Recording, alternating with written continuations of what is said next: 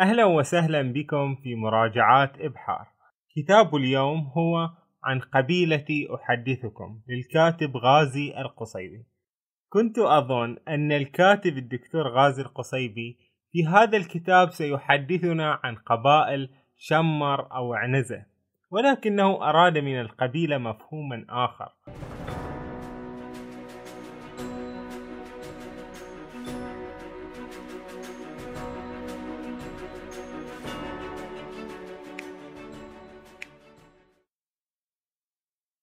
وهي قبيلة الشعراء الذي هو منهم بالطبع. فكتب في هذا الكتاب بحثا مختصرا وفيه أصالة فكرية عن تاريخ الشعر العربي منذ الجاهلية إلى زمننا المعاصر. يقول الكاتب أن الشعراء كانوا في الجاهلية ملوكا أو أشباه ملوك فكان شعراء المعلقات أغلبهم من أسياد العرب ووجهائها.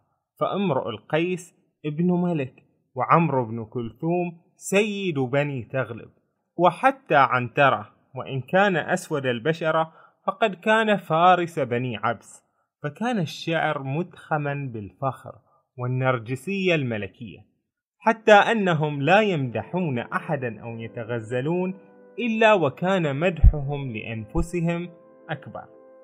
يعني على سبيل المثال يقول طرف بن العبد إذا القوم قالوا من فتى خلت أنني عنيت فلم أكسل ولم أتبلد ويقول عمرو بن كلثوم ملأنا البر حتى ضاق عنا وظهر البحر نملأه سفينة وحاتم الطائي يقول وإني لعبد الضيف ما دام ثاويا وما في إلا تلك من شيم العبد.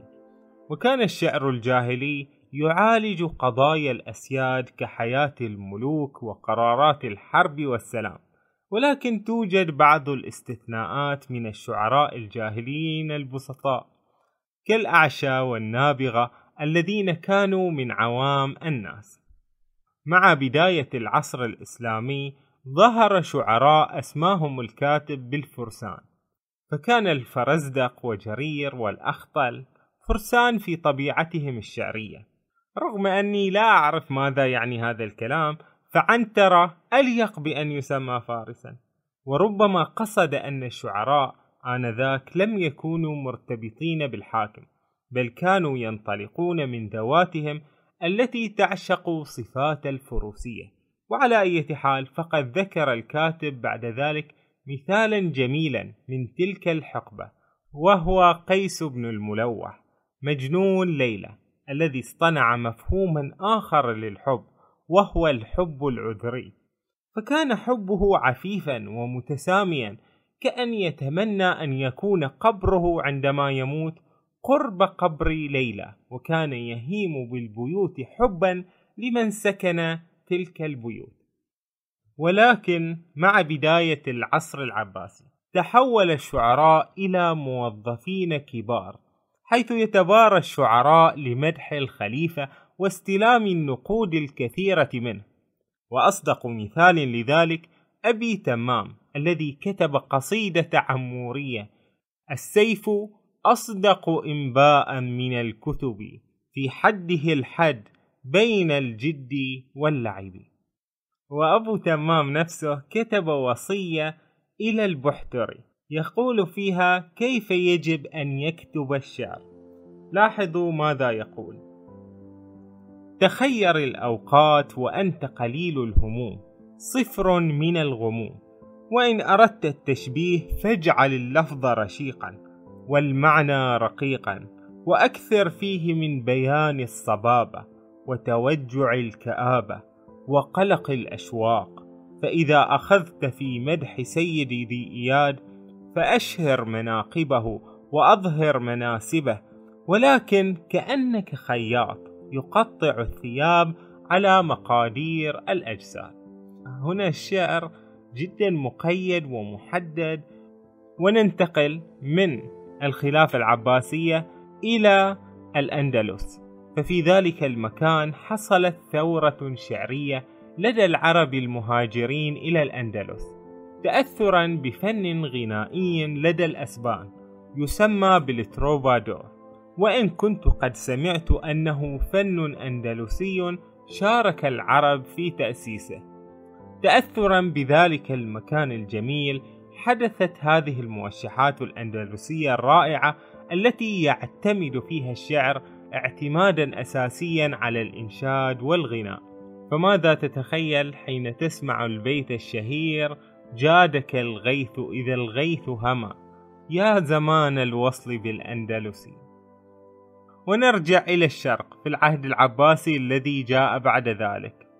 فأصبح الشعراء من موظفين كبار في الدولة ومحترمون ويحصلون على كثير من النقود إلى مجرد أجراء. فكان الشعراء مجرد أجراء طامحين في شيء من الحظوة والملك. والمثال الذي وضعه الكاتب للشاعر الأجير هو أبو الطيب المتنبي. فكان المتنبي يتجول في بلاد سيف الدولة الحمداني وكافور الأخشيدي وكان المتنبي يطمح لأن يكون ملكا وأن يحصل على ولاية ما ولكنه لم يحصل. بعد ذلك آلت السلطة في الدولة الإسلامية إلى جماعات غير عربية. الترك في الغالب من سلاجقة وأيوبيين ومماليك وعثمانيين. وهؤلاء لا يعرفون العربية وإن عرفوها لم يحبوا شعرها فكانت مهنة الشعر بلا قيمة. ظهر في القرن العاشر الميلادي شعر سمعت عنه للمرة الأولى من هذا الكتاب وهو شعر البند الذي ازدهر في القرن الحادي عشر الميلادي في العراق والخليج وبلاد فارس. ولكنه اختفى في عهد المماليك. سأعطيكم آه، بعض الأمثلة لهذا الشعر. أيها الراقد في الظلمة نبه طرف الفكرة من رقدة ذي الغفلة وانظر أثر القدرة وأجل غسق الحيرة في فجر سنة الخبرة. هذا الأفق الأدكن في ذا الصنع المتقن والسبع سماوات ففي ذلك آثار هدى.